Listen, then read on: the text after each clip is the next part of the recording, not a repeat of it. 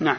وقد قال الله تعالى والذين يدعون من دون الله لا يخلقون شيئا وهم يخلقون. أموات غير أحياء وما يشعرون أيان يبعثون. فسمى الجماد ميتا وهذا مشهور في لغة العرب وغيرهم. وقيل لك ثانيا فما لا يقبل الاتصاف بالحياة والموت والعمى والبصر ونحو ذلك من المتقابلات. أنقص مما يقبل ذلك. فالأعمى الذي يقبل الاتصاف بالبصر أكمل من الجماد الذي لا يقبل واحدا منهما فأنت فررت من تشبيهه بالحيوانات القابلة لصفات الكمال ووصفته بصفات الجامدات التي لا تقبل ذلك وأيضا فما لا يقبل الوجود والعدم أعظم امتناعا من القابل للوجود والعدم بل ومن اجتماع الوجود والعدم ونفيهما جميعا. فما نفيت عنه قبول الوجود والعدم كان أعظم امتناعا مما نفيت عنه الوجود والعدم وإذا كان هذا ممتنعا في صرائح العقول فذاك أعظم امتناعا فجعلت الوجود الواجب الذي لا يقبل العدم هو أعظم الممتنعات وهذا غاية التناقض والفساد. وهؤلاء الباطنية منهم من يصرح برفع النقيضين الوجود والعدم ورفعهما كجمعهما ومن يقول لا أثبت واحدا منهما فامتناعه عن إثبات أحدهما في نفس الأمر لا يمنع تحقق واحد منهما في نفس الأمر وإنما هو كجهل الجاهل وسكوت الساكت الذي لا يعبر عن الحقائق وإذا كان ما لا يقبل الوجود ولا العدم أعظم امتناعا مما يقدر قبوله لهما مع نفيهما عنه فما يقدر أو فما يقدر لا يقبل لا يقبل الحياة ولا الموت ولا العلم ولا الجهل ولا القدرة ولا العجز ولا الكلام ولا الخرس ولا العمى ولا البصر ولا السمع ولا الصمم. أقرب إلى المعدوم الممتنع مما يقدر أو مما يقدر قابلا لهما مع نفيهما عنه. وحينئذ فنفيهما مع كونه قابلا لهما أقرب إلى الوجود والممكن وما جاز لواجب الوجود قابلا وجب له لعدم توقف صفاته على غيره فإذا جاز القبول وجب وإذا جاز وجود القبول وجب وقد بسط هذا في موضع آخر وبين وجوب اتصافه بصفات الكمال التي لا نقص فيها بوجه من الوجوه. وقيل له أيضا اتفاق المسميين في بعض الأسماء والصفات ليس هو التشبيه والتمثيل الذي نفته الأدلة السمعيات والعقليات وإنما نفت ما يستلزم اشتراكهما فيما يختص به الخالق مما يختص بوجوبه أو جوازه أو امتناعه فلا يجوز أن يشركه فيه مخلوق.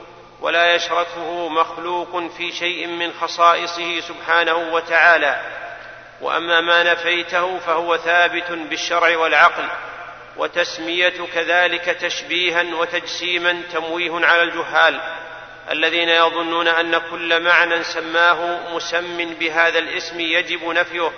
ولو ساغ هذا لكان كل مبطل يسمي الحق بأسماء ينفر عنها بعض الناس. ليكذب الناس بالحق المعلوم بالسمع والعقل وبهذه الطريقة أفسدت الملاحدة على طوائف الناس عقلهم ودينهم حتى أخرجوهم إلى أعظم الكفر والجهالة وأبلغ الغي والضلالة. وإن قال نفاة الصفات إثبات العلم والقدرة والإرادة مستلزم تعدد الصفات وهذا تركيب ممتنع. قيل وإذا قلتم هو موجود واجب وعقل وعاقل ومعقول وعاشق ومعشوق ولذيذ وملتذ ولذة أفليس المفهوم من هذا؟ أفليس المفهوم من هذا هو المفهوم من هذا؟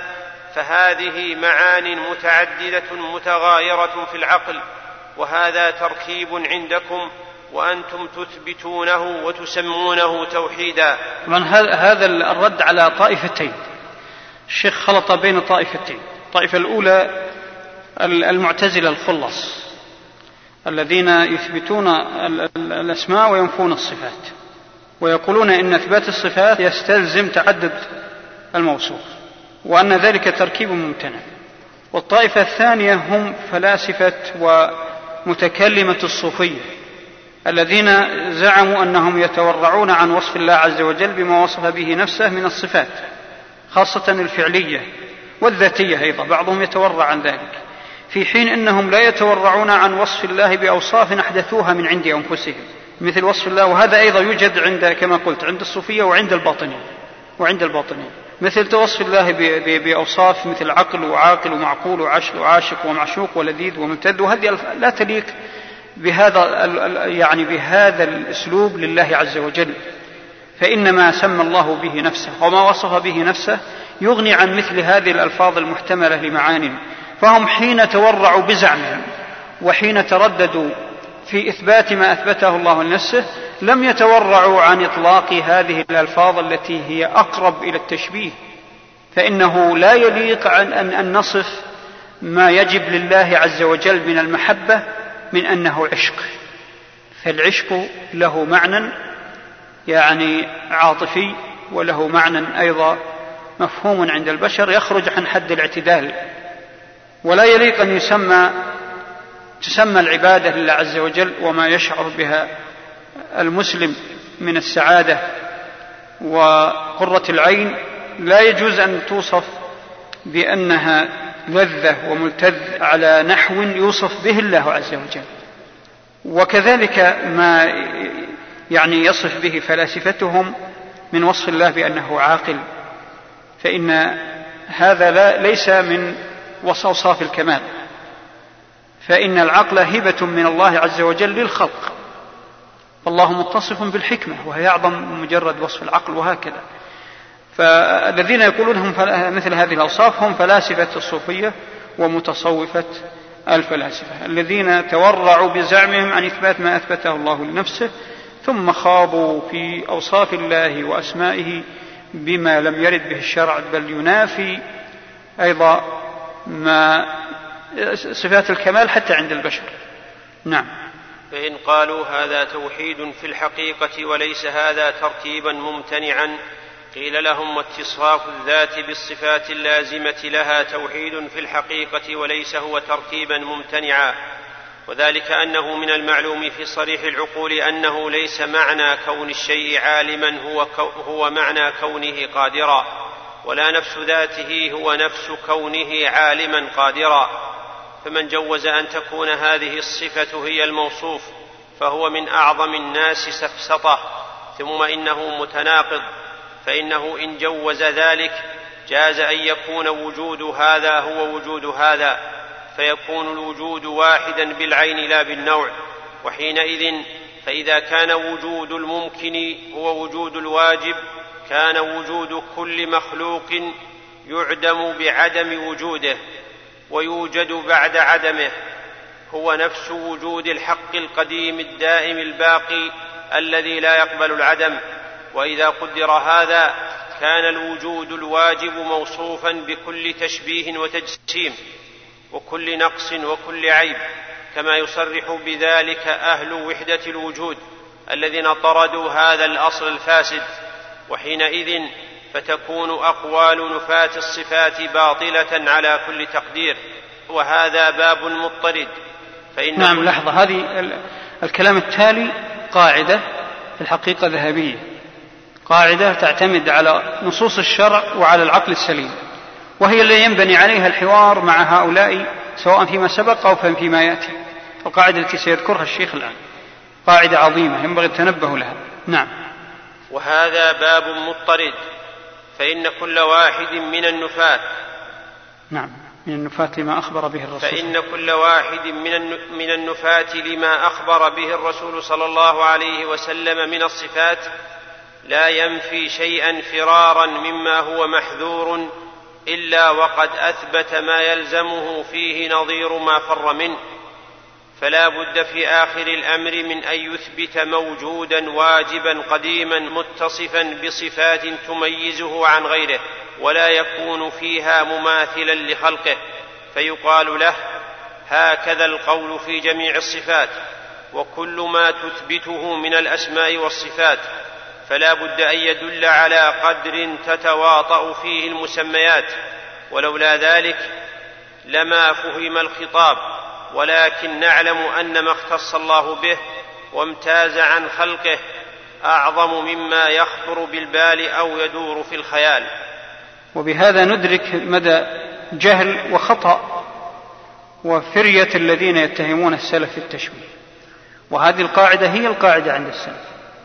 فإنهم حينما يثبتون لله عز وجل ما أثبته لنفسه وما أثبته له رسوله صلى الله عليه وسلم سواء من الأسماء أو الصفات أو الأفعال فإنهم يثبتون ذلك على ما يليق بجلال الله وعلى الحقيقة التي وصف الله بها نفسه كما يليق بجلاله دون أن نتوهم الكيفيات وأن الاشتراك اللفظي بين أسماء الله عز وجل وبين مسميات الخلق إنما تواطؤ في المسميات وهذا من أجل خطاب البشر.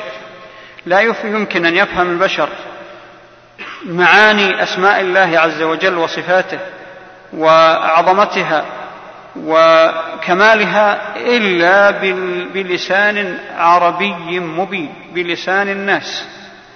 ولولا ذلك أي لولا أن الله وصف نفسه باللسان الذي نعرفه مع أن ندرك أن الكيفية ليست يعني من مداركنا لولا ذلك لما فهم الخطاب. ولكن نعلم مع إيماننا بحقيقة ما ورد من أسماء الله وصفاته وأفعاله نعلم أن ذلك أعظم مما يخطر على البال لأن الله عز وجل ليس كمثله شيء. ومن هنا أنبه إلى ما ذكرته أكثر من مرة. إلى أن المسلم عندما يسمع خطاب الله عز وجل وكلام رسوله صلى الله عليه وسلم في القرآن والسنة لا بد أن يتوهم في ذهنه صورا تقريبية تقرب الحقيقة له لكن هذه أمثال تضرب. وحقيقة أسماء الله وصفاته أعظم وأجل من أن تكون هي ما في الأذهان. أقول أن السامع للخطاب مثل أن نسمع قوله عز وجل الرحمن الرحيم مالك يوم الدين. الرحمن على العرش استوى. لا بد أن يكون في ذهن السامع صورة تخطر لهذه المعاني. فهذه الصورة ليست هي حقيقة وصف الله عز وجل جزما. ولذلك الجهمية والمعتزلة أخطأوا حينما يعني اعتقدوا ما توهموه. أو ظنوا أنهم لا بد أن يعتقدوا ما توهموه ظنوا أنهم لا بد أن يعتقدوا أوهامهم. نقول لا. ما تفهمه أيها المخاطب أوهام. أمثال في ذهنك تقرب إلى الحقائق العامة لا الحقائق المقيدة. الحقائق المطلقة. الحقائق المطلقة في الأذهان وليست في الأعيان. الحقائق المطلقة في الأذهان وليست في الواقع. حينما نحول هذه المعاني إلى الواقع فإنها فيما يختص بالله عز وجل أعظم من أن نتخيله أو نتصوره أو يخطر بالبال. فإن الله له الكمال المطلق وليس كمثله شيء. لكن مع ذلك وهو السميع البصير. أما إطلاقها على المسميات المعلومة فبحسب حالها. فالمخلوق ناقص وقاصر وفاني. فلا شك إن هذه المسميات وجودها في المخلوقات على الوجه الذي يليق بالمخلوقات من النقص وإطلاقها على الله عز وجل على الوجه الذي يليق بالله سبحانه على الكمال الذي لا يمكن يخطر على بال. فإذا كان هناك من مخلوقات الله ما لا فيه ما لا عين رأت ولا أذن سمعت ولا خطر على قلب بشر ولله المثل الأعلى فصفات الله واسماؤه ما باولى من باب أولى ألا تخطر على قلب بشر. وهذه عقيدة السلف. ومن هنا ندرك جناية وخطأ الذين يتهمون السلف بالتشبيه وصلى الله وسلم وبارك على نبينا محمد وعلى آله وصحبه أجمعين. يقول أنه هذا السائل سافر إلى بلد أفريقي وسمع إذاعة إذاعة الصوفية وكان اسمها صوت أهل السنة والجماعة. فهل الصوفية يرون أنهم من أهل السنة والجماعة. نعم. وغالب الصوفية خاصة صوفية يعني المنتسبة للسنة اللي هم ينتسبون للمذاهب الأربعة. أو المذاهب الثلاثة. يندر أن يوجد صوفي حنبلي لكن يوجد مالكية وشافعية وأحناف أو يكون ينتسب للمذاهب الكلامية الصوفية الذين ينتسبون للأشاعر والماتريدية وهم أكثرية في الصوفية. هؤلاء يدعون أنهم أهل السنة والجماعة. يقول ما حكم الداعي ما حكم الاستغاثة بالصفات في مثل قول الداعي برحمتك أستغيث؟ يجب أن نفرق بين أولا برحمتك أستغيث هي دعاء لله عز وجل. ليست دعاء للصفة فيجب أن نفرق بين مثل هذه اللفظة برحمتك أستغيث و اللهم إني أعوذ برضاك من سخطك وبعفوك من عقوبتك وبك منك ونحو ذلك وبين دعاء الصفة النداء دعاء النداء. فبرحمتك أستغيث هي دعاء لله عز وجل. فلا حرج بمثل هذه الصفة. يقول هل الزمخشري كان هل هل الزمخشري كان المعتزلة نعم من المعتزلة نعم الزمخشري من من كبار المعتزلة لكن من أفاضلهم. فالمعتزل الزمخشري أولا له عناية بكتاب الله عز وجل وهو من علماء اللغة ومتبحر في كثير من العلوم الشرعية وعرف عنه الورع والزهد والعبادة. لكنه معتزلي في الصفات وفي كثير من أصول المعتزلة. بل أكثر أصول المعتزلة يعتقدها. يقول ما السائل ما المقصود بالسمعيات؟ نعم كثيرا ما يستعمل السلف كلمة السمعيات خاصة بعد القرن الثالث. يتكلمون في موضوع العقائد عن مسألة السمعيات. المقصود بالسمعيات هي كل أمور الدين التي لا تخضع للاجتهاد وخاصة الأمور الغيبية. سمعيات لأنها جاءت بالسمع من الوحي. الوحي يسمى السمع لأنه مسموع من النبي صلى الله عليه وسلم سمعه من جبريل. فغلب غلب هذا الوصف على كل الوحي بأنه سمع بأنه سمع يعني مسموع من مصدره الشرعي وعلى هذا فإن القرآن سمعي والسنة سمعي والسمعيات عند علماء العقيدة هي كل ما ثبت بالنصوص الشرعية مما لا دخل للعقول به. وكل أمور الغيب والأخبار وقضايا الاعتقاد تسمى سمعيات. وأحيانا يحدد بها بعض أهل العلماء هي يحدد يحددها بأشراط الساعة وأحوال الآخرة. لكن هذا التحديد في الحقيقة غير علمي ولا منضبط. على هذا فإن التعميم هو الصحيح وهو أن السمعيات كل ما ثبت بالقرآن والسنة من أمور الغيب لأنه مسموع لا دخل للعقل فيه. بهذا القدر نكتفي نسأل الله الجميع التوفيق والسداد وأن يتقبل منا الصيام والقيام. وصلى الله وسلم وبارك على نبينا محمد وعلى آله وصحبه أجمعين. السلام عليكم ورحمة الله وبركاته. الحمد لله نحمده ونستعينه ونستغفره ونتوب إليه ونعوذ بالله من شرور أنفسنا ومن سيئات أعمالنا. من يهده الله فلا مضل له ومن يضلل فلا هادي له. وأشهد أن لا إله إلا الله وحده لا شريك له. وأشهد أن نبينا محمدا عبده ورسوله صلى الله عليه وسلم. أما بعد نبدأ بعون الله وتوفيقه درسنا ونبدأ بالعقيدة في مجلد الثالث الفتاوى. وقد وصلنا إلى الأصل الثاني. طبعا لا يزال الموضوع في كتاب التدمرية لشيخ الإسلام ابن تيمية المضمن في هذا المجلد. وقبل أن نقرأ أو يقرأ القارئ الدرس أحب أن نشير إلى قواعد مهمة يجب أن يستصحبها المسلم دائما عندما يتأمل أسماء الله وصفاته وأفعاله لا سيما طالب العلم. كما تعرفون هذه الرسالة رسالة التدبرية جلها أو أغلبها في تقرير الصفات لله عز وجل. والرد على المخالفين. ولا شك أن هذا أصل عظيم من أصول الدين. بل هو أعظم أصل تقرير أسماء الله وصفاته وأفعاله أعظم أصل يجب أن يعتقده المسلم. ثم ما يستتبع ذلك من ضرورة الدفاع عن العقيدة ونفي أقوال المبطلين والجاهلين والمتأولين في أسماء الله وصفاته. والرد على المخالف كما تعلمون أصل عظيم من أصول الإسلام. لكن مما ينبغي بل يجب على طالب العلم كما قلت يستصحبه عندما يعيش أو عندما يخوض في مسائل الخلاف مع أهل الأهواء والبدع في أسماء الله وصفاته ألا ينسى أو أهم هذه القواعد أولا ألا ينسى أن المقصود بتقرير أسماء الله وصفاته والدفاع عنها الدفاع عنها إنما هو تعظيم الله عز وجل. وليس مجرد المعرفة العلمية أو مجرد استعراض قوة المسلم أمام المخالفين أو قوة أهل السنة أمام المخالفين أو عرض الحجج وقوتها. ليس هذا هو المقصود إنما هذه وسائل.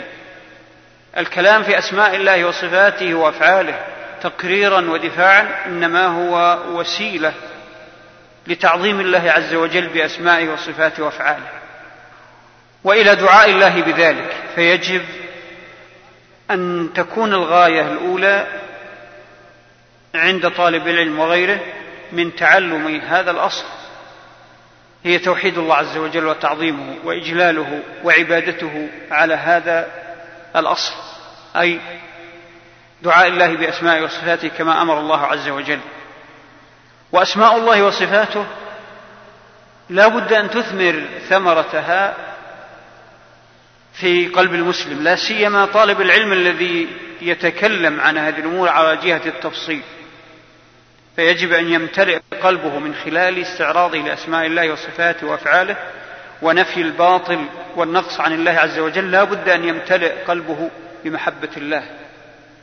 وبخشية الله عز وجل وبرجاء الله ثم ما يستتبع ذلك من اليقين والإنابة والتوكل وسائر الأعمال القلبية التي لا بد أن تثمر ثمرتها في الجوارح وعلى اللسان.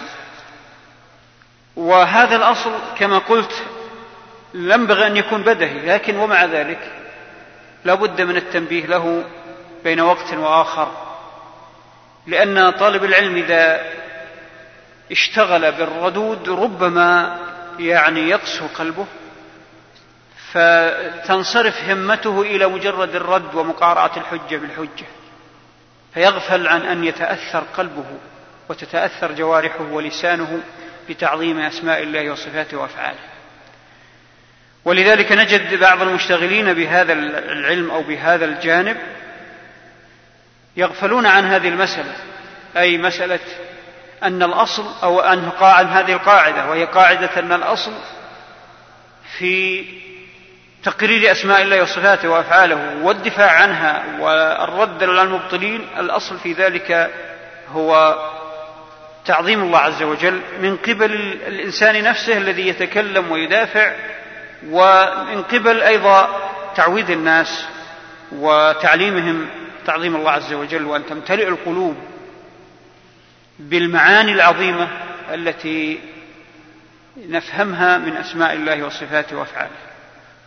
وكما تعلمون لا يزال الشيخ يرد على الذين ينفون الصفات سواء أولئك المعطلة الجهمية والفلاسفة والغلاة الذين ينفون الأسماء والصفات أو من دونهم ممن يؤولون أو ينفون البعض ويثبتون البعض. كلهم الشيخ الآن يقرر الأصل الثاني في الرد عليهم على النحو التالي. نعم تفضل. بسم الله الرحمن الرحيم. الحمد لله رب العالمين وصلى الله وسلم وبارك على نبينا محمد وعلى آله وصحبه أجمعين. وبعد قال شيخ الإسلام رحمه الله تعالى وهذا يتبين بالأصل الثاني وهو أن يقال القول في الصفات كالقول في الذات فإن الله ليس كمثله نعم لحظة شيء. إيه، من أجل نربط الأصل الأول بالأصل الأصل الثاني بالأصل الأول تعرفون أنه في الأصل الأول قرر الشيخ أن القول في بعض الصفات كالقول في البعض الآخر وهذا رد على المؤولة أكثر منه رد على النفاة ثم هنا سحب نفس القاعدة في الرد على المعطلة النفاة فكما يقال أن القول في بعض الصفات كالقول في البعض كذلك يقال أن القول في الصفات كالقول في الذات. نظرا لأن غلاة المعطلة كثير منهم لا ينفون الذات أو خصائص الذات مثل الوجود. أهم خصائص الذات عندهم الوجود. فهم لا ينفون الوجود. والوجود لا بد أن يقبل الوصف وما قبل الوصف لا بد أن يكون ذات. نعم. وهو أن يقال القول في الصفات كالقول في الذات فإن الله ليس كمثله شيء لا في ذاته ولا في صفاته ولا في أفعاله. فإذا كان له ذات حقيقة لا تماثل الذوات فالذات متصفة بصفات حقيقة لا تماثل سائر الصفات. طيب وكذلك الأفعال. طبعا الشيخ يجمل لأن الأفعال داخلة في الصفات. الصفات كما تعلمون على نوعين صفات ذاتية وصفات فعلية. الصفات الذاتية هي مثل اليد والوجه والصفات الفعلية مثل النزول والاستواء. نعم. فإذا قال السائل كيف استوى على العرش؟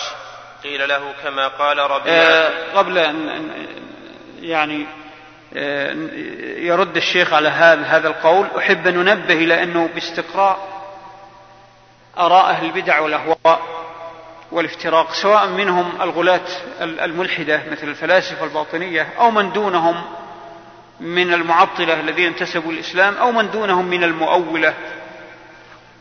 هؤلاء كلهم يوردون هذا السؤال. وإراده على وجوه كثيرة.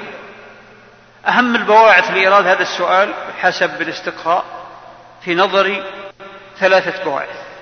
الباعث الأول أن يكون من قال هذا القول إذا السائل قال كيف استوى فربما يكون مشبه.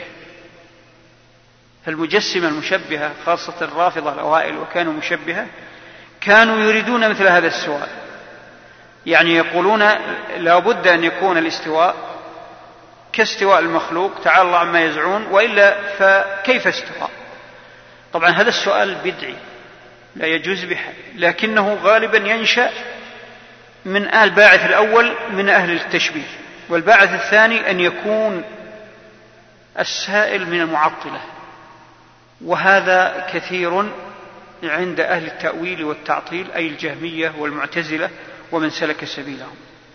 وهؤلاء ينشئون السؤال من أجل إنكار الصفة يعني غايتهم عكسية. فلذلك إذا أرادوا أن يحرجوا المثبت ويجروه إلى التأويل إذا كان جاهل قالوا كيف استوى؟ فإذا فسر الاستواء قالوا إذا أنت شبهت.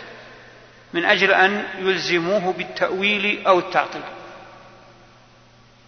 ولذلك أول ما نشأ السؤال على وجه واسع من المعطلة بعد المشبهة والباعث الثالث لهذا السؤال هو إثارة هذه الأمور عند من لم يفقه العقيدة. منشأه الجهل والشك والريب سواء من السائل أو ممن أثيرت عنده هذه المسائل فاضطر أن يسأل. من السائل ابتداء عن جهل وشك أو ممن أثيرت عنده هذه المسائل فاضطر يسأل. ولذلك نجد الذين يسألون هذه الأسئلة إما متعالم مغرور من أصحاب الفلسفة والتجهم وأهل الكلام وإما من جاهل لا يعرف كيف يثبت فينشأ عنده السؤال عن إشكال. فإذا عندنا البواعث كثيرة لكن أهمها التشبيه فالمشبهة يثيرون السؤال ثم التعطيل والتأويل فالمعطلة والمؤولة يثيرون السؤال من أجل إلزام الناس بالتشبيه بزعمهم بعد ذلك يلزمونهم بالتأويل والتعطيل أو يكون من جاهل أو شاك أو نحو ذلك ممن يعني يخوضون في هذه المسائل على غير الوجه الشرعي. نعم. فإذا قال السائل كيف استوى على العرش؟ قيل له كما قال ربيعة ومالك وغيرهما رضي الله عنهما الاستواء معلوم والكيف مجهول والإيمان به واجب والسؤال عن الكيفية بدعة لأنه سؤال عما لا يعلمه البشر ولا يمكنهم الإجابة عنه. وكذلك إذا قال كيف ينزل ربنا إلى السماء الدنيا؟ قيل له كيف هو؟ فإذا قال لا أعلم كيفيته قيل له ونحن لا نعلم كيفية نزوله إذ العلم بكيفية الصفة يستلزم العلم بكيفية الموصوف وهو فرع له وتابع له فكيف تطالبني بالعلم بكيفية سمعه وبصره وتكليمه واستوائه ونزوله؟ وأنت لا تعلم كيفية ذاته وإذا كنت تقر بأن له حقيقة ثابتة في نفس الأمر مستوجبة لصفات الكمال لا يماثلها شيء فسمعه وبصره وكلامه ونزوله واستواؤه ثابت ثابت في نفس الأمر وهو متصف بصفات الكمال التي لا يشابهه فيها سمع المخلوقين وبصرهم وكلامهم ونزولهم واستواؤهم. على هذا لابد من يعني بعد ما بين الشيخ كيف الرد على مثل هذه الأسئلة وسيفصل آه، أيضا بشكل أوسع. لكن أحب أن أذكر بالقاعدة الأصلية التي أراد الشيخ أن يرجع الناس إليها وهي قاعدة السلف التي كان عليه النبي صلى الله عليه وسلم وصحابته وأئمة السلف وأهل الاستقامة من الراسخين في العلم وأتباعه من أهل السنة والجماعة إلى قيام الساعة. القاعدة الأصلية. التي من اعتقدها لا يمكن أن ينشأ عنه أصلا هذا السؤال ولا حتى الباعث للسؤال وهي أن الأصل في أسماء الله وصفاته وأفعاله إثبات ما أثبته الله لنفسه وإثبات ما أثبته له رسوله صلى الله عليه وسلم. كل ذلك من غير تمثيل ولا تشبيه لأن الإثبات مبني على قوله عز وجل وهو السميع البصير. مع ما ورد قبل ذلك قبل ذلك في أول الآية ليس كمثله شيء. فإذا الأصل إثبات ما أثبته الله لنفسه مع نفي المماثلة لأن يعني الله عز وجل ليس كمثله شيء. وكذلك نفي ما نفاه الله عن نفسه وما نفاه عنه رسوله صلى الله عليه وسلم. والنفي, والنفي جاء مفصلا ومجملا فإن الله عز وجل نفى النقائص عن نفسه إجمالا ونفى ما رماه به أهل الباطل تفصيلا. وما نفى ما رماه به أهل الباطل تفصيلا. فعلى هذا فإن المسلم إذا أخذ بقاعدة الإثبات مع قاعدة النفي سلمت عقيدته ولم ينشأ عنده أصلا. لا السؤال عن الكيفية ولا الباعث على السؤال. إذن الباعث على السؤال إما أن يكون من مشبه وإما أن يكون معطل وإما أن يكون من جاهل. فالجاهل يعلم والمعطل يرد عليه وكذلك المشبه يرد عليه قوله لأنه خرج عن القاعدة نعم. وهذا الكلام لازم لهم في العقليات وفي تأويل السمعيات. فإن من أثبت شيئا ونفى شيئا بالعقل. إذا ألزم فيما نفاه من الصفات التي جاء بها الكتاب والسنة نظير ما يلزمه فيما أثبته. ولو طولب بالفرق بين المحذور في هذا وهذا لم يجد بينهما فرقا. طبعا الشيخ هنا أشار إلى أمر في مسألة العقليات والسمعيات. يقول هذا الكلام اللي هو عدم التفريق. بين شيء من أسماء الله وصفاته مع بعضها.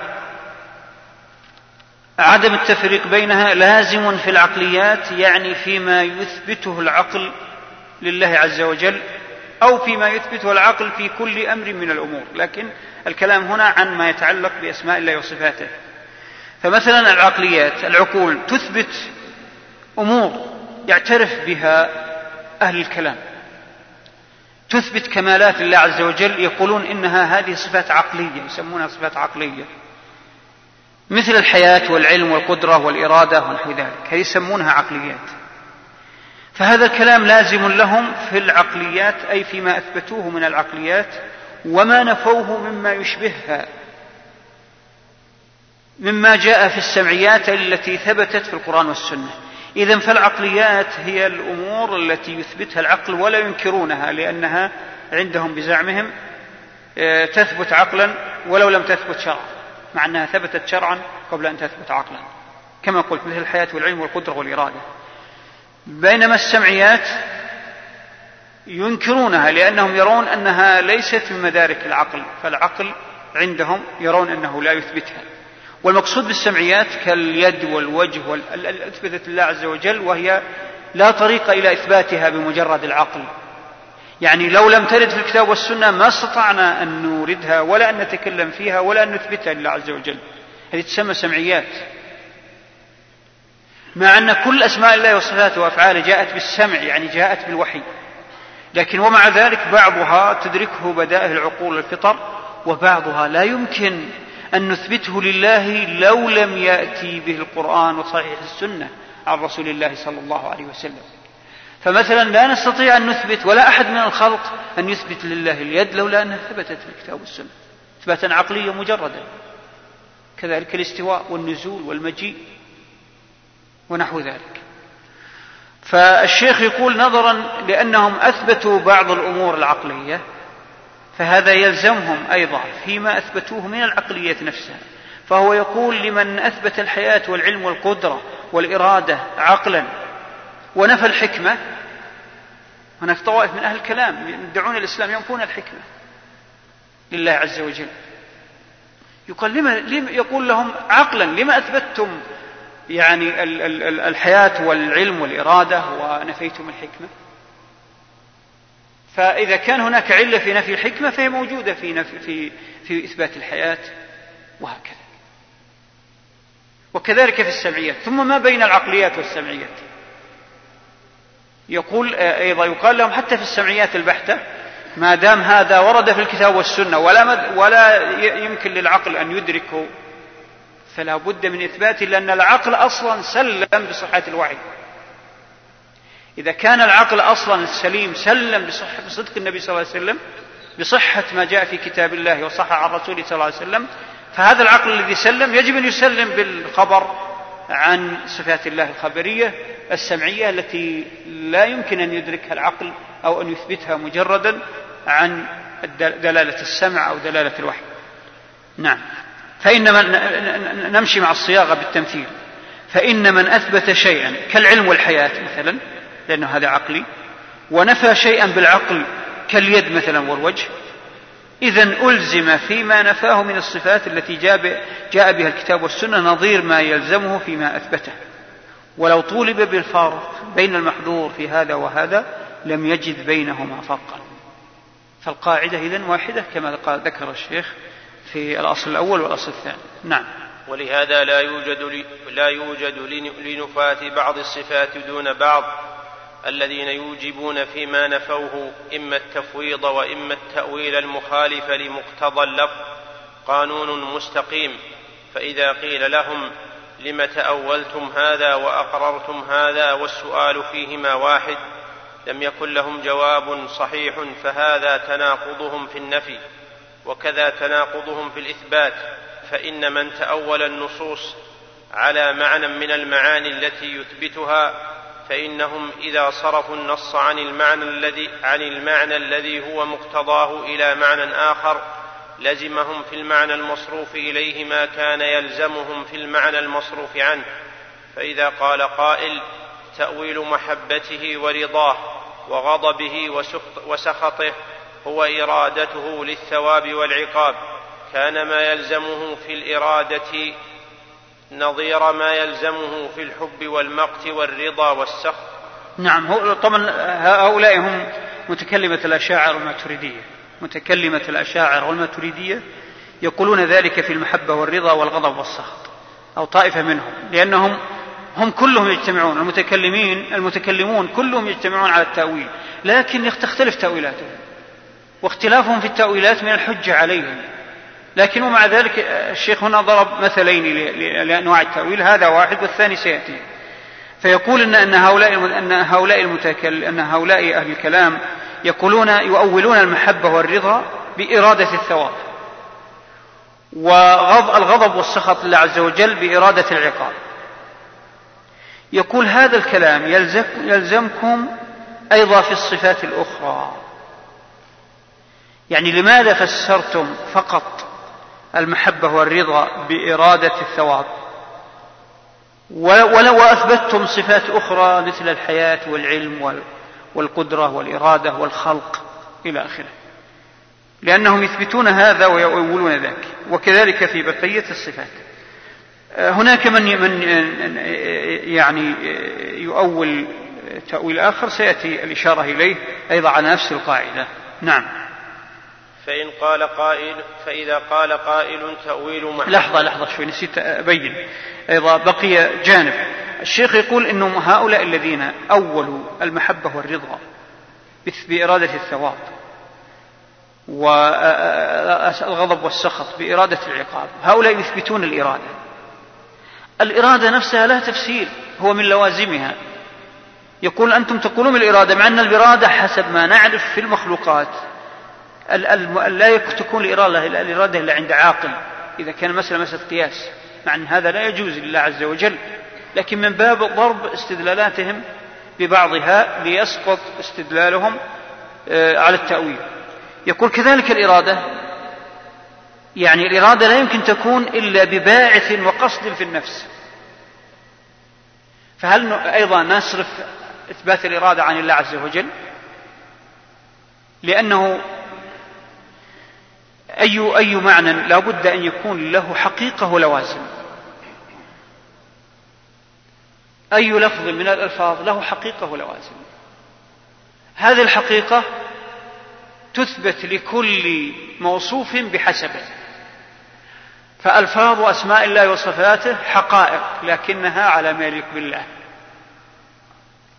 وأسماء وصفات المخلوقين حقائق لكنها على ما يليق بهم. ولذلك هذه الحقائق لم تثبت ولا تصرف إلى لوازمها. هم الآن صرفوا الغضب إلى لازم. من لازم الغضب أحيانا وليس دائما لكن من لوازم الغضب غالبا الانتقام. من لوازم المحبة غالبا الثواب. فهم فسروا الصفات بلوازمها. فهو يقول كذلك الإرادة فسروها بلازمها. وإلا لماذا جعلتم لله عز وجل إرادة ولم تثبتوا له محبة ورضا؟ آه ثم أيضا نقول عن عن مسألة اللوازم وسبق سبق الإشارة أكثر من مرة. أنه إثبات اللازم لا يعني إسقاط حقيقة الملزوم. فإذا كان أحيانا من لوازم المحبة الثواب ومن لوازم السخط العقاب. فلا يعني ذلك أن يفسر الأصل بلازمه وإلا لقلنا هذا في جميع أسماء الله وصفاته حتى صار الأمر راجع إلى الخلق. لأن ثمار الصفات أو آثار الصفات هي في الخلق. فيرجع تفسير الصفات كلها إلى الخلق نفسه. ومن هنا تنتفي. وهذا ما وهذا ما يذهب إليه الفلاسفة. الفلاسفة لا يرون لله عز وجل وجودا حقيقيا إنما وجودا مجردا. ويفسرون جميع أسماء الله وصفاته أو دلالات عظمته بالخلق نفسه. بالخلق نفسه. فكذلك الذي يفسر اللازم وينفي الحقيقة لا بد وأن يحصر الأسماء والصفات بالمخ... أو الصفات والأفعال بالذات يحصرها بالمخلوقين. ومن هنا ولذلك فعلا نجدهم أي أهل الكلام دائما يفسرون أفعال الله بمخلوقاته. ما يثبتون لله الأفعال. أفعاله هي مخلوقات. مع أن المخلوقات هي آثار أفعاله وصفاته عز وجل. نعم. فإذا قال قائل تأويل محبته ورضاه وغضبه وسخطه هو إرادته للثواب والعقاب كان ما يلزمه في الإرادة نظير ما يلزمه في الحب والمقت والرضا والسخط. ولو فسر ذلك بمفعولاته وهو ما يخلقه من الثواب والعقاب فإنه يلزمه في ذلك نظير ما فر منه فإن الفعل لا بد أن يقوم اولا بالفاعل والثواب والعقاب المفعول إنما يكون على فعل ما يحبه ويرضاه ويسخطه ويبغضه المثيب المعاقب فهم إن أثبتوا الفعل على مثل الوجه المعقول في الشاهد للعبد مثلوا. وإن أثبتوه على خلاف ذلك فكذلك الصفات. نعم نقف عند هذا لأن الفصل التالي فصل مستقل. السلام عليكم ورحمة الله وبركاته. الحمد لله رب العالمين الصلاة والسلام على نبينا محمد وعلى آله وصحبه أجمعين. وبعد بعون الله وتوفيقه نستأنف درسنا. قد وصلنا في المجلد الثالث من الفتاوى في كتاب التدمرية. إلى صفحة 28 وقفنا على الفصل. نعم. بسم الله الرحمن الرحيم. الحمد لله رب العالمين. صلى الله وسلم وبارك على نبينا محمد وعلى آله وصحبه أجمعين.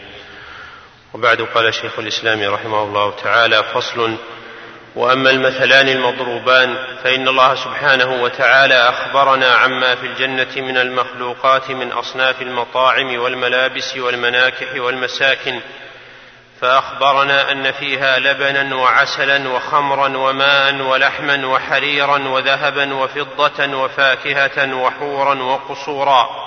وقد قال ابن عباس رضي الله عنهما ليس في الدنيا شيء مما في الجنة إلا الأسماء. نعم. أراد الشيخ رحمه الله أن يبين قاعدة من القواعد التي سبق الكلام فيها في الصفات. ذكر في الأصلين السابقين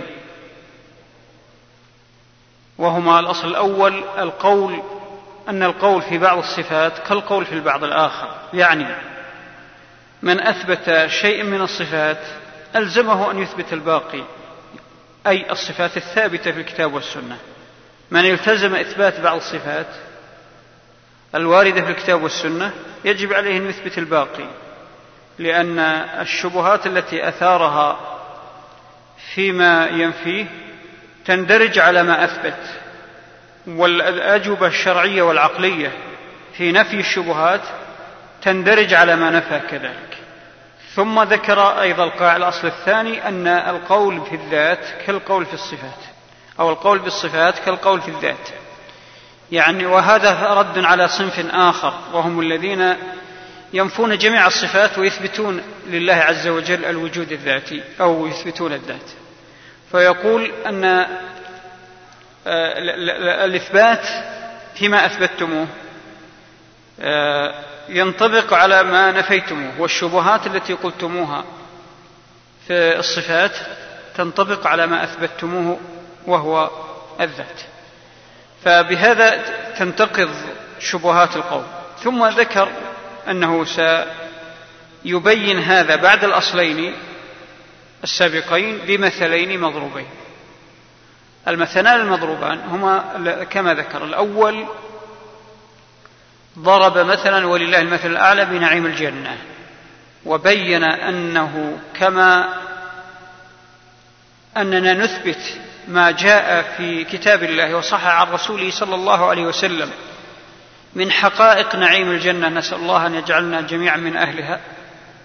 مع أن هذه الأوصاف والحقائق تشبه ما في الدنيا ومع ذلك نحن نعتقد ونجزم أن حقائق نعيم الجنة وما ورد في تفصيلاتها مثل العنب والخمر واللبن ونحو ذلك أنها حقائق تختلف تماما عن حقائق ما في الدنيا ومع ذلك هي حقيقة. وما في الدنيا حقيقة لكن ما في الجنة أعلى وأعظم وفيها ما لا عين رأت وما ولا أذن سمعت ولا خطر على قلب بشر. ومع ذلك وصف نعيمها هذا الذي لا يمكن أن يخطر على قلب بشر وصف بنفس الوصف الذي وصف به آه، يعني أحوال المأكولات والمشروبات الطيبة في الدنيا. فإذا كانت حقيقة ما في الجنة تختلف كيفياتها عن حقيقة ما في الدنيا مع اتفاق الألفاظ واتفاق المعاني العامة. ف ولله المثل الأعلى أيضا إثبات الصفات لله عز وجل على ملك وجلاله كما ثبتت في الكتاب والسنة على وجه يختلف عن كيفيات الصفات المشابهة لها لفظا. في الدنيا وهي صفات المخلوقين هذا أمر لا بد أن يقطع به العقل السليم. كما أنه سيضرب مثلا في الروح ويأتي الكلام عنها في وقته إن شاء الله. نعم. وإذا كانت تلك الحقائق التي أخبر الله عنها هي موافقة في الأسماء للحقائق الموجودة في الدنيا وليست مماثلة لها بل بينهما من التباين ما لا يعلمه إلا الله تعالى فالخالق سبحانه وتعالى أعظم مباينة للمخلوقات من مباينة المخلوق للمخلوق ومباينته لمخلوقاته أعظم من مباينة موجود الآخرة لموجود الدنيا إذ المخلوق المخ إلى المخلوق الموافق له في الاسم من الخالق إلى المخلوق وهذا بين واضح ولهذا افترق الناس في هذا المقام ثلاث فرق فالسلف والأئمة وأتباعهم آمنوا بما أخبر الله به عن نفسه وعن اليوم الآخر مع علمهم بالمباينة التي بين ما في الدنيا وبين ما في الآخرة وأن مباينة الله لخلقه أعظم. والفريق الثاني الذين أثبتوا ما أخبر الله به في الآخرة من الثواب والعقاب ونفوا كثيرا مما أخبر به من الصفات مثل طوائف من أهل الكلام. والفريق الثالث نفوا هذا وهذا كالقرامطة والباطنية والفلاسفة أتباع المشائين ونحوهم من الملاحدة الذين ينكرون حقائق ما أخبر الله به عن نفسه وعن اليوم الآخر. طبعا هذا هذا هذا التقسيم يشمل مواقف الناس من الغيب كله. مواقف الناس من كل أمور الغيب وأعظم وأجل أمور الغيب ما يتعلق بالله عز وجل وتعظيمه سبحانه بذاته وأسمائه وصفاته وأفعاله. فهذا أعظم الغيب وهو أبعد الغيب عن مدارك الناس. أبعد الناس أبعد الغيب عن أن تدركه حواس الناس وعقولهم على وجه الكيفية هو المتعلق بذات الله وأسمائه وصفاته وأفعاله. ومع ذلك الغيب كله كل الغيوب غائبة عن العقول. وغائبة عن الحواس وغائبة عن المدارك. فاذا هذه المواقف التي ذكرها الشيخ الثلاثة هي مواقف الناس عموما من الغيب كله. لكن هنا هنا نتكلم عن الجانب الأعظم من الغيب وهو المتعلق بالله عز وجل. فهذه مواقف الفرق أو مواقف البشر البشرية من الغيب ومما يتعلق بالله عز وجل بصفة خاصة. نعم. ثم إن كثيرا منهم يجعلون الأمر والنهي من هذا الباب فيجعلون الشرائع المأمور بها والمحظورات المنهي عنها لها تأويلات باطنة تخالف ما يعرفه المسلمون منها كما يتأولون من الصلوات الخمس وصيام شهر رمضان وحج البيت فيقولون إن الصلوات الخمس معرفة أسرارهم وإن صيام رمضان كتمان أسرارهم وإن حج البيت السفر إلى شيوخهم ونحو ذلك من التأويلات التي يعلم بالاضطرار أنها كذب وافتراء على الرسل صلوات الله عليهم وتحريف لكلام الله ورسوله عن مواضعه وإلحاد في آيات الله. وقد يقولون الشرائع تلزم العامة دون الخاصة. فإذا صار الرجل من عارفيهم ومحققيهم وموحديهم رفعوا عنه الواجبات وأباحوا له المحظورات وقد يدخل في المنتسبين إلى التصوف والسلوك من يدخل في بعض هذه المذاهب وهؤلاء الباطنية هم الملاحدة الذين أجمع المسلمون على أنهم أكفر من اليهود والنصارى. وما يحتج به على الملا وما يحتج به على الملاحدة أهل الإيمان والإثبات يحتج به كل من كان من أهل الإيمان والإثبات على من يشرك هؤلاء في بعض على من يشرك هؤلاء في بعض إلحادهم. فإذا أثبت لله تعالى الصفات ونفى عنه مماثلة المخلوقات كما دل على ذلك الآيات البينات كان ذلك هو الحق. الذي يوافق المعقول والمنقول ويهدم أساس الإلحاد والضلالات. والله سبحانه لا تضرب له الأمثال التي فيها مماثلة لخلقه فإن الله لا مثيل له بل له المثل الأعلى. فلا يجوز أن يشرك هو والمخلوقات في قياس تمثيل ولا في قياس شمول تستوي أفراده ولكن يستعمل في حقه المثل الأعلى. وهو أن كل ما اتصف به المخلوق من كمال فالخالق أولى به وكل ما ينزه عنه المخلوق من نقص فالخالق أولى بالتنزيه عنه. فإذا كان المخلوق منزها عن مماثلة المخلوق مع الموافقة في الاسم فالخالق أولى أن ينزه عن مماثلة المخلوق وإن حصلت موافقة في الاسم. وهكذا القول في المثل الثاني. وهو أن الروح التي فينا فإنها قد وصفت بصفات ثبوتية وسلبية وقد, أخ وقد أخبرت النصوص أنها تعرج وتصعد من سماء إلى سماء وأنها تقبض من البدن وتسل منه كما تسل الشعرة من العجينة والناس مضطربون فيها فمنهم طوائف من أهل الكلام يجعلونها جزءا من البدن أو صفة من صفاته كقول بعضهم إنها النفس أو الريح التي تردد في البدن. إنها النفس أو الريح التي تردد في البدن. وقول بعضهم إنها الحياة أو المزاج أو نفس البدن. ومنهم طوائف من أهل الفلسفة يصفونها بما يصفون به واجب الوجود عندهم. وهي أمور لا يتصف, لا يتصف بها إلا ممتنع الوجود. فيقولون لا هي داخلة في البدن ولا خارجة ولا مباينة له ولا مداخلة له ولا متحركة ولا ساكنة ولا تصعد ولا تهبط ولا هي جسم ولا عرض. وقد يقولون إنها لا, إنها لا تدرك الأمور المعينة والحقائق الموجودة في الخارج وإنما تدرك الأمور الكلية المطلقة. وقد يقولون إنها لا داخل العالم ولا خارجه ولا مباينة له ولا مداخلة وربما قالوا ليست داخلة في أجسام العالم العالم ولا خارجة عنه مع تفسيرهم للجسم بما لا يقبل الإشارة الحسية فيصفونها بأنها لا يمكن الإشارة إليها ونحو ذلك من الصفات السلبية التي تلحقها بالمعدوم والممتنع.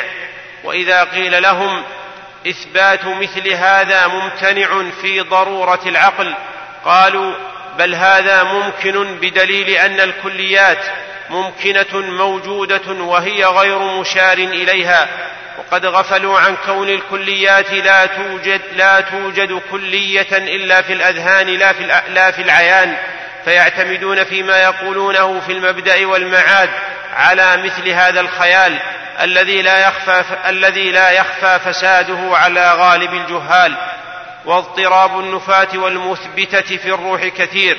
نعم يلاحظ أن أكثر كلام هؤلاء الفلاسفة على مختلف أنواعهم أكثره يدور, يدور على أوهام لأن ما أشار إليه الشيخ من قولهم آه، الكليات ممكنة ممكنة يعني ممكنة الوجود. هذا افتراض.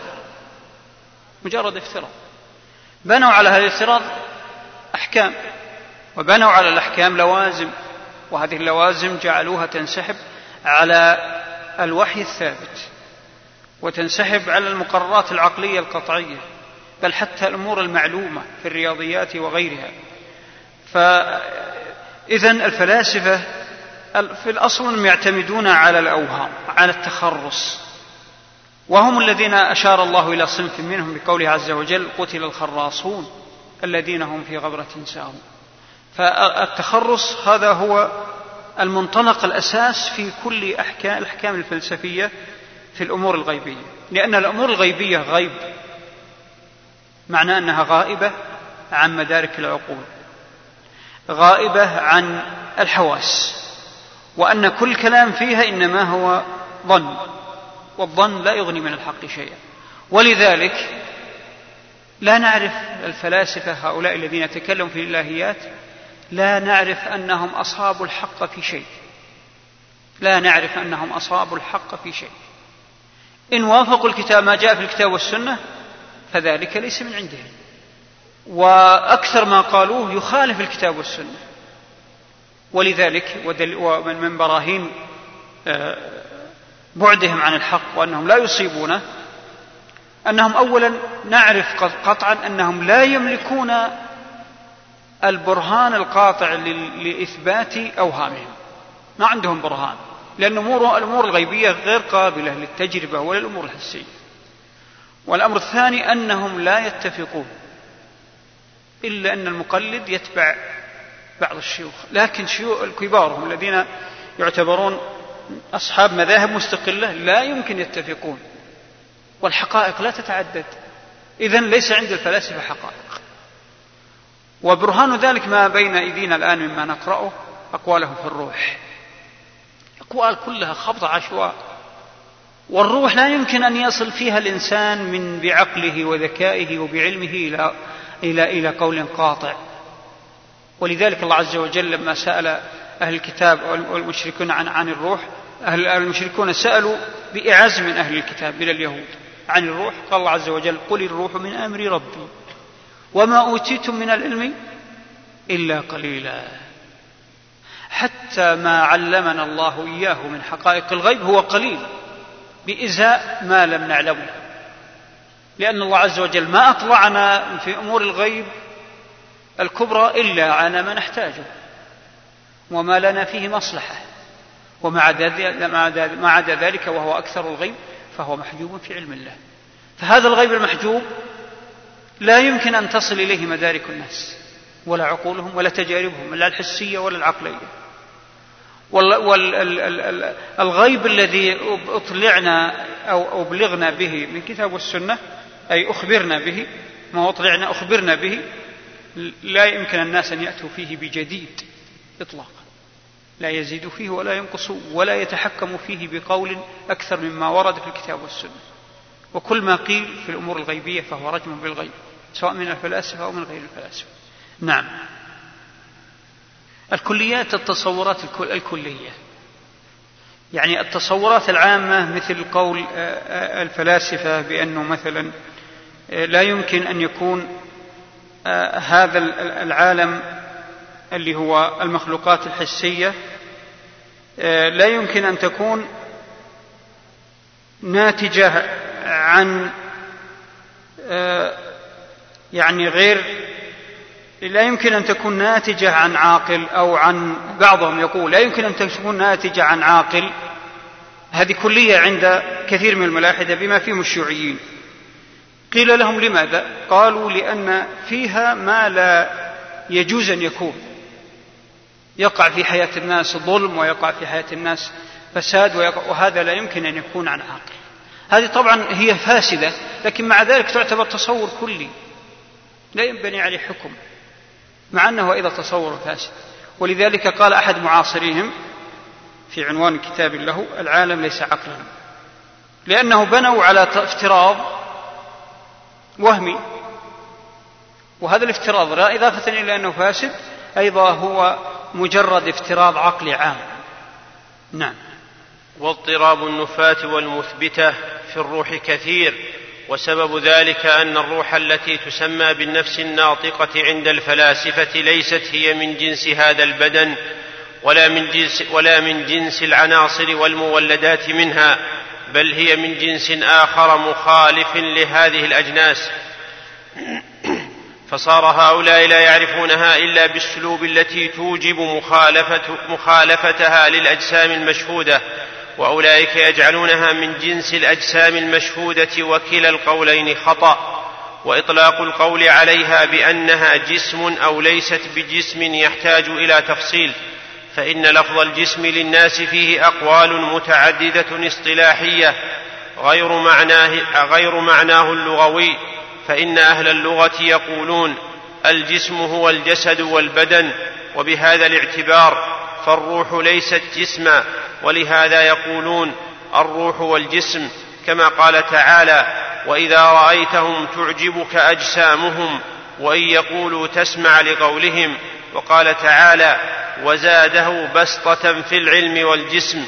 وأما أهل الكلام فمنهم من يقول الجسم هو الموجود. ومنهم من يقول هو القائم بنفسه. ومنهم من يقول هو المركب من الجواهر المفردة. ومنهم من يقول هو المركب من المادة والصورة. وكل هؤلاء يقولون إنه مشار إليه إشارة حسية ومنهم من يقول ليس مركبا من هذا ولا من هذا بل هو مما يشار إليه ويقال إنه إنه هنا أو هناك. فعلى هذا إن كانت الروح مما يشار إليها ويتبعها بصر, بصر الميت كما قال صلى الله عليه وسلم إن الروح إذا خرجت تبعها البصر وإنها تقبض ويعرج بها إلى السماء.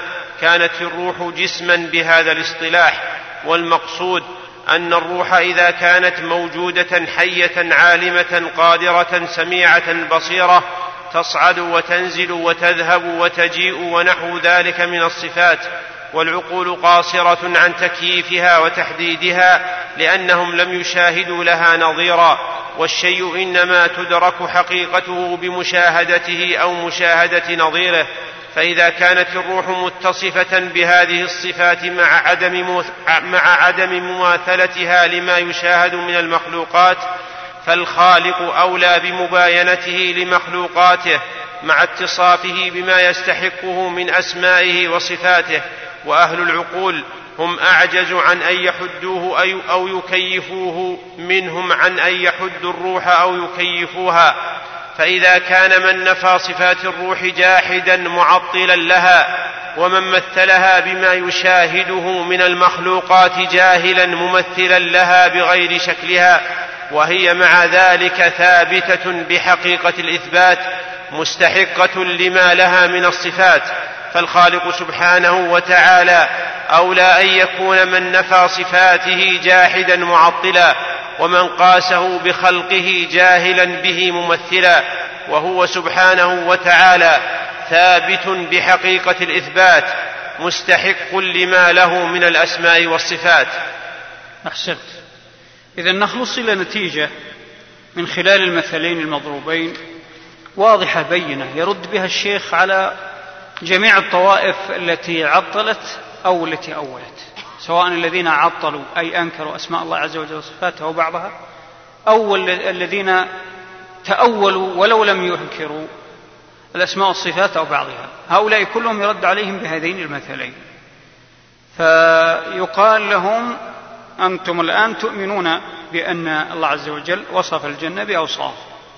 وهذه الأوصاف ألفاظها ومعانيها بل وحقائقها أيضا تشبه ظاهرا ما في الدنيا. يقولون نعم. فإذا نقول لهم ومع ذلك نحن نؤمن قطعا بأن هذه الحقائق التي جاءت ألفاظها مطابقة لما جاء في الدنيا ولها حقائق أيضا نعلم قطعا أنها ليست كحقيقة ما في الدنيا وهذا أمر يتفقون عليه أو يؤمنون به. فإذا كذلك ولله المثل الأعلى عندما نثبت أسماء الله عز وجل وصفاته كما وردت في الكتاب والسنة فإن نثبتها على ما يليق بجلاله. والتشابه اللفظي لا يعني التشابه في الكيفيات كما أن التشابه اللفظي بين نعيم الجنة ونعيم الدنيا إنما هو تشابه في المعاني العامة وليس في الكيفيات. وكذلك الروح هم يؤمنون بالروح والروح يؤمن بها كل عاقل. كل عاقل يدرك وجود الروح في الحيوان. وأن هذه الروح أيضا ورد لها أوصاف في الكتاب والسنة والناس يدركون لها أوصاف من الحركة والصعود والنزول وغير ذلك. ف ومع ذلك لا يمكن أحد أن يدرك كيفية صفات الروح مع أنها توصف بصفات ألفاظها تشبه صفات المعلومات المشاهدات أي الأمور الحسية. ومع ذلك الروح لا تشبه الأمور الحسية.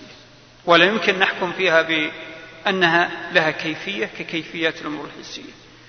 رغم أنها توصف ورغم أنها يعلم عنها ظواهر هذه الظواهر موجودة في الحسيات التي نعلمها. ومع ذلك لا ندرك كيفية الروح. فكذلك من باب أولى ولله المثل الأعلى أسماء الله وصفاته. نحن نؤمن بأنها حق وأنها معاني حقيقية تليق بالله عز وجل لكن لا نعلم كيفيتها. فإذا كان هناك من المخلوقات ما, ما هو موصوف بما يشبه صفات صفات المحسوسات بل بما يشبه صفات الخالق ومع ذلك نجزم أن هذا ليس كذلك في الكيفية. فاذا لا بد أن من استعمل عقله على وجه صحيح أن يصل إلى نتيجة وهو أن ما ورد في الكتاب والسنة من أسماء الله عز وجل وصفاته لا بد أن يثبت لله عز وجل على ما يليق بجلاله وأنه أن إثباته ليس تشبيها أي إثبات ما ثبت لله في الكتاب والسنة من الأسماء والصفات ليس تشبيها ولا تمثيلا وأنه لا يؤدي إلى الحرج كما يزعمون وأن من أثبت ما أثبته الله ورسوله لله عز وجل من الأسماء والصفات فلا بد أن يكون محق بدليل أننا نجد الفارق في الكيفيات حتى في المخلوقات والله عز وجل أعظم وأجل. نعم. قول المؤلف فلا يجوز أن يشرك هو والمخلوقات في قياس تمثيل ولا في قياس شمول تستوي أفراده. آه، قياس التمثيل هو قياس الشيء على فرع أو على فرعه أو أصله. وقياس التمثيل هو قياس الأشياء على نظائرها وأمثالها وممكن يتبين هذا بمثال. فقياس التمثيل هو أن نقيس شيء على شيء من وجه وليس من كل الوجوه هذا من جانب. ومن جانب آخر قياس التمثيل كأن نقيس مثلا أو نشبه الابن بأبيه. أما قياس الشمول فهو كقياس الأخوة بعضهم على بعض. هذا يمكن يكون من أبسط الأمثلة لذلك. إلحاق الشيء بأصل يعتبر قياس تمثيل. وإلحاق الشيء بما يشبهه وليس أصل له ولا فرع هذا يعتبر قياس شمول يقول قال شيخ الإسلام الفريق الثالث نفوا هذا وهذا كالقرامطه الباطنية وأتباع المشائين المقصود بأتباع المشائين المشاؤون وصف لطائفة من الفلاسفة من عادتهم يعني كثرة الخوض في. وكثرة التخرص في الوهميات وذكر عنهم أن من عادتهم أنهم يقررون الأشياء وهم يمشون.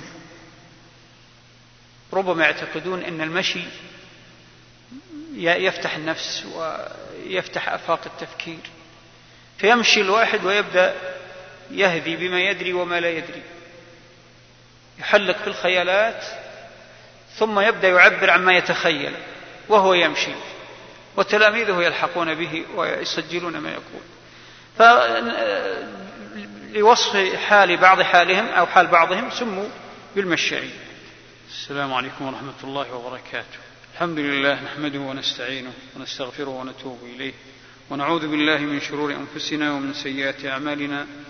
من يهده الله فلا مضل له ومن يضلل فلا هادي له وأشهد أن لا إله إلا الله وحده لا شريك له وأشهد أن نبينا محمدا عبده ورسوله صلى الله عليه وسلم.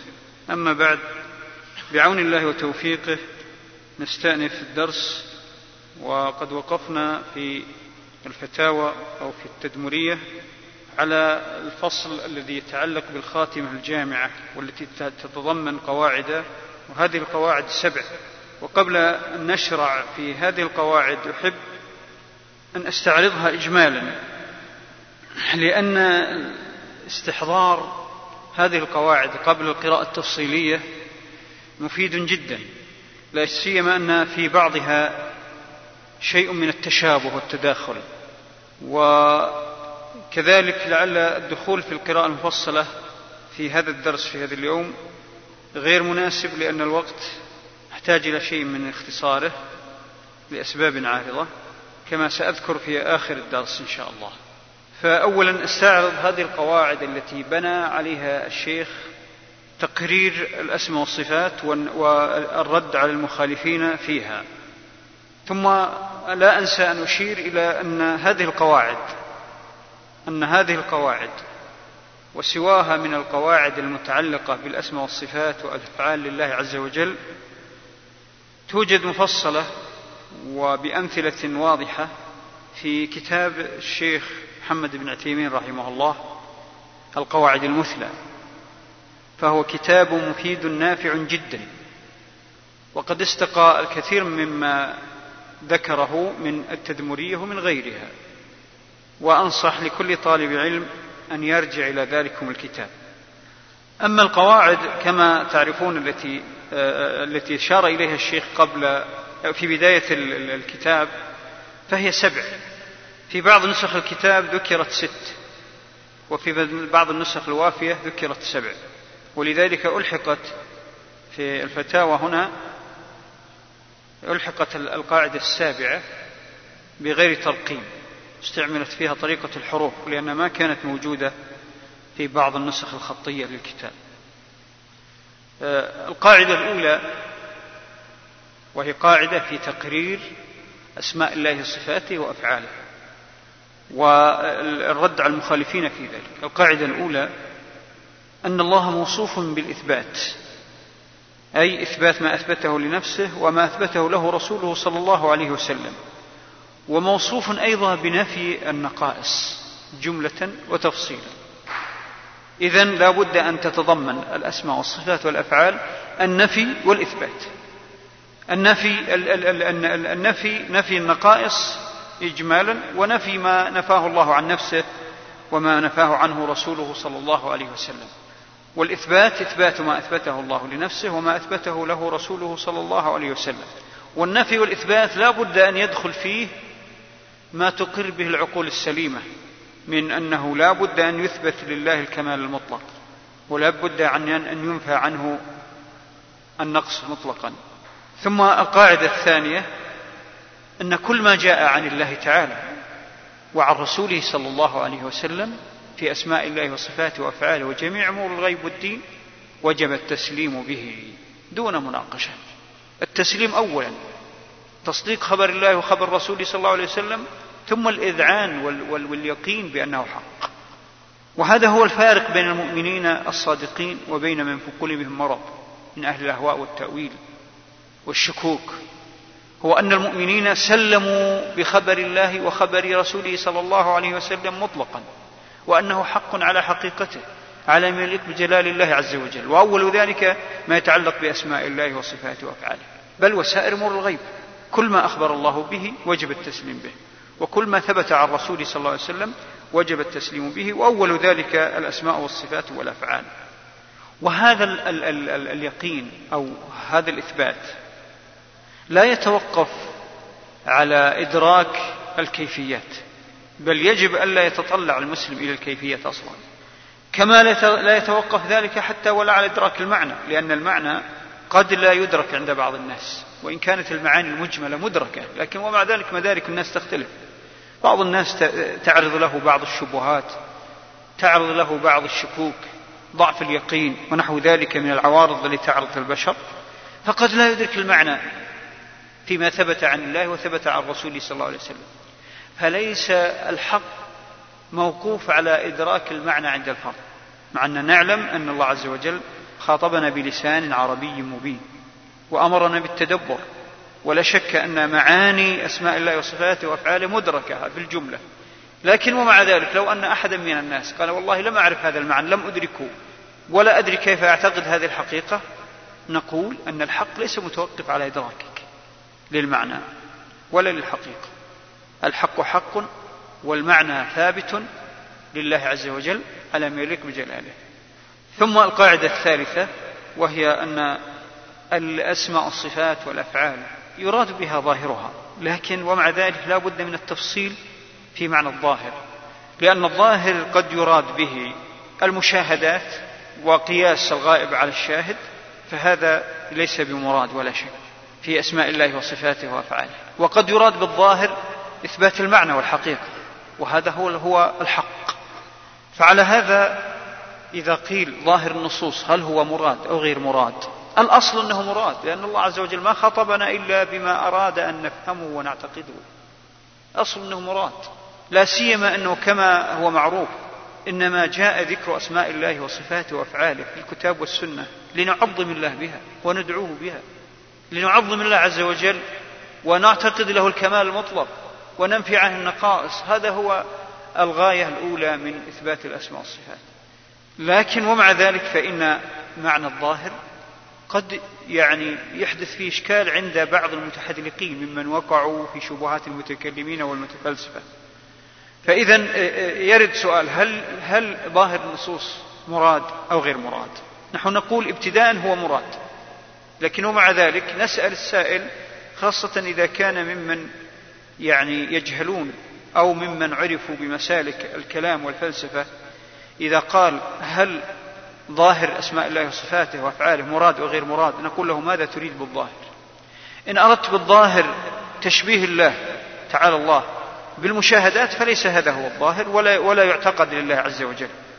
وإن, وإن أردت بظاهر النصوص ما تدل عليه عن معاني وحقائق فهذا حق.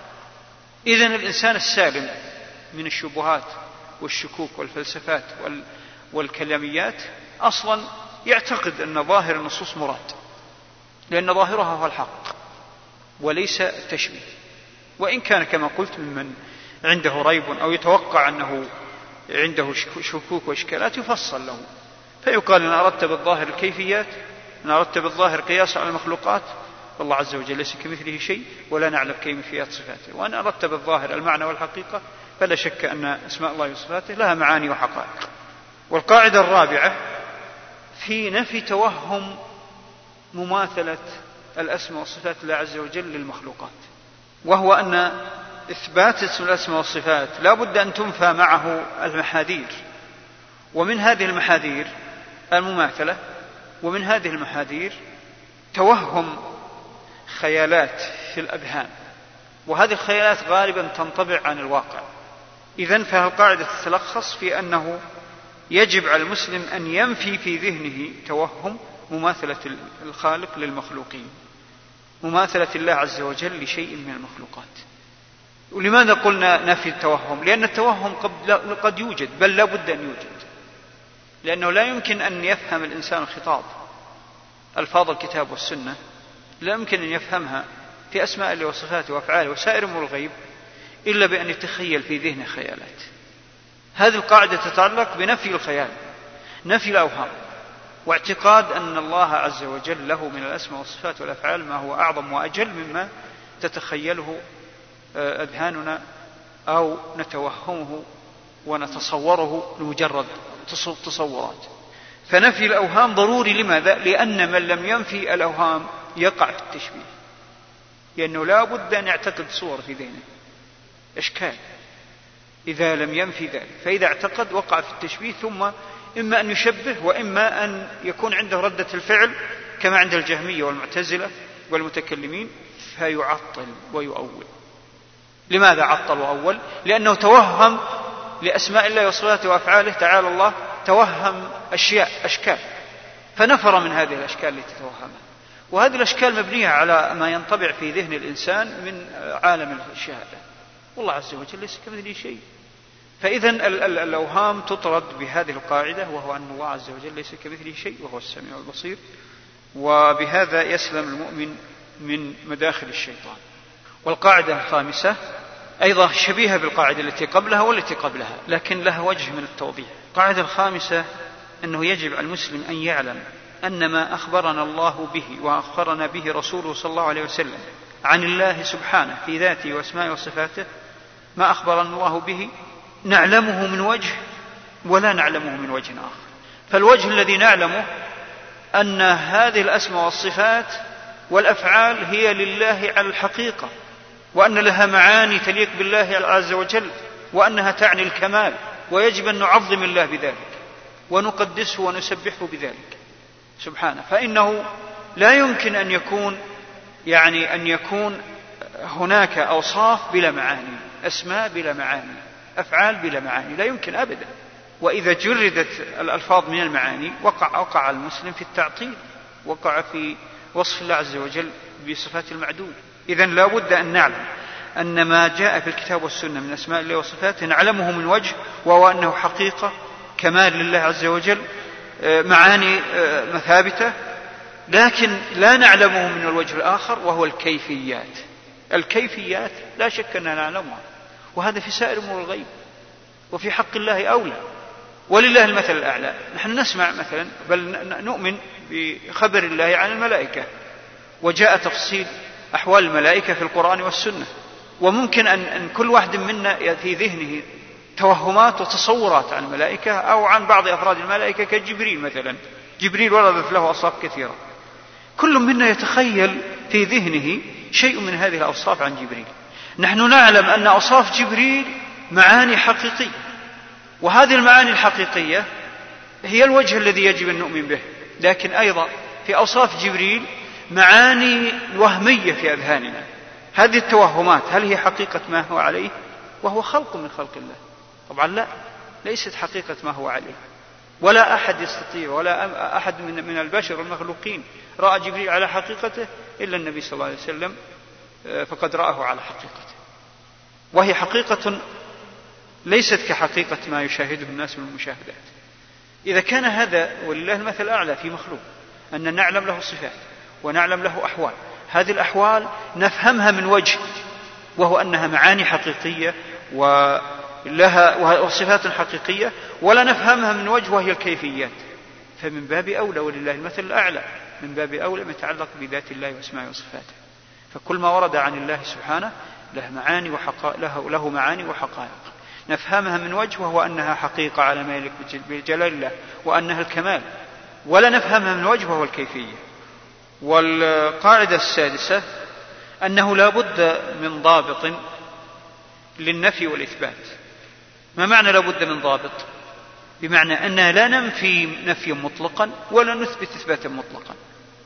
فالإثبات لا بد أن يرد يقيد بالنفي والنفي لا بد أن يقيد بالإثبات.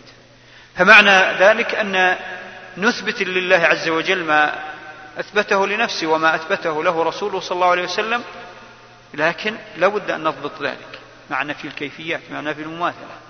نضبطه بضوابط وهو أن الإثبات يقتضي إثبات الكمال المطلق ويقتضي نفي المشابهة ويقتضي نفي كل النقائص التي نفاها الله عن نفسه وكل النقائص التي توهمها البشر.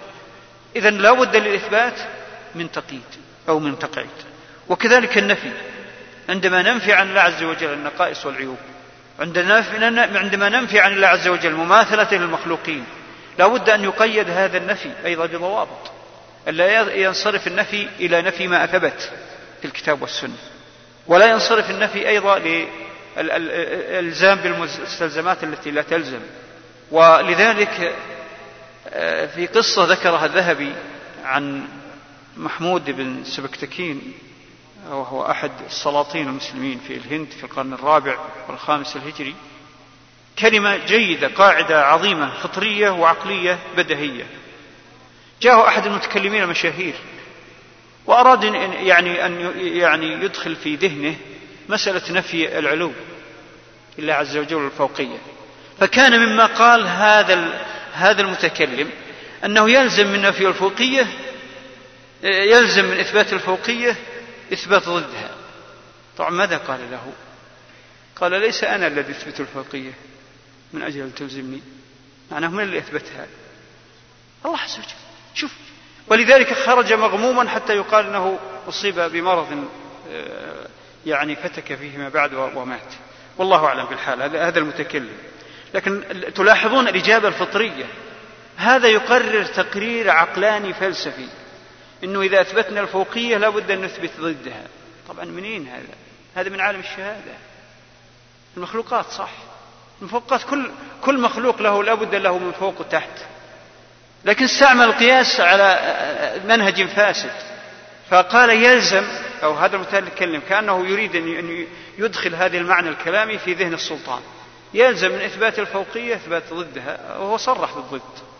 فقال له كيف تلزمني وهو, وهو وأنا لست القائل ذلك؟ القائل ذلك هو الله عز وجل. تلزمني بشيء الله عز وجل تلزم ربك. فعلا هذا من يعني حجة فطرية.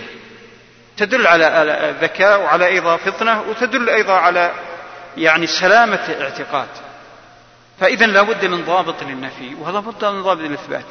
فالإثبات يرد إلى قاعدة النفي يعني أن نثبت لله عز وجل. مع نفي المماثلة وكذلك النفي لابد أن يرد إلى قاعدة الإثبات وهو أن ننفي عن الله عز وجل النقائص والعيوب والمماثلة لكن لا ينسحب النفي إلى ما أثبته الله لنفسه وأثبته له رسوله صلى الله عليه وسلم. تحت مسمى المماثلة والمشابهة ثم القاعدة الأخيرة أن ما جاء به الشرع يدل عليه العقل إما دلالة مفصلة وإما دلالة مجملة. أما أغلب أسماء الله وصفاته وأفعاله فيدل عليها العقل كما يدل عليها الشرع لأنها كمال ظاهر. أما ما لا يدركه العقل مما ثبت به الشرع فإن العقل يسلم بصحته. لماذا؟ لأن العقل السليم سلم لله عز وجل ولرسوله صلى الله عليه وسلم. وسلم بصدق القرآن وصدق السنة. فإذا ورد الاسم لله عز وجل والصفة في القرآن والسنة فإن العقل مسلم ابتداء. خلاص ما يناقش. لماذا يناقش؟ وقد سلم بأن خبر الله صادق. وخبر الرسول صلى الله عليه وسلم صادق. إذن العقل السليم لا بد أن يسلم بجميع أسماء الله وصفاته وأفعاله. إما على سبيل التسليم المباشر وهو الإقرار بأن الله عليم حكيم إلى آخره من الأسماء والصفات التي تقر عقلا. أو التسليم الإيماني المتضمن للتسليم لله والتسليم للرسول صلى الله عليه وسلم فهذا يعني تصديق خبر الله. كالصفات الخبرية إثبات اليد والوجه والعين ونحو ذلك هذه صفات خبرية. العقل لا لا يعني يستقل بها بإثباتها لكن لما ثبتت ثبتت من أين؟ من المصدر القطعي. وهل للعقل قدرة أن يعارض المصدر القطعي؟ العقل مخلوق ضعيف. إذا فالعقل السليم سلم ابتداء بأن كلام الله حق وكلام الرسول صلى الله عليه وسلم حق. والأسماء والصفات التي نثبتها هي كلها من كلام الله وكلام رسوله صلى الله عليه وسلم. إن جئنا من عندنا بشيء من ذلك فليرد. فإذا نرجع إلى أصل القاعدة وهو أن ما دل عليه الشرع دل عليه العقل. إذا سلم العقل من العوارض وإلا فالعقل لا يسلم. العقل مخلوق ضعيف. تأتيه عوارض الهوى والضعف والمحدودية والشبهات والشهوات. عوارض الشكوك مداخل الشيطان. عوارض كثيرة تعترض العقل. فكيف ينزع هؤلاء الفلاسفة والمتكلمون إلى جعل العقل حكم على الشرع؟ ولما فعلوا ذلك خاضوا في كلام الله وكلام رسوله صلى الله عليه وسلم بما لا يليق. نسأل الله السلامة والعافية.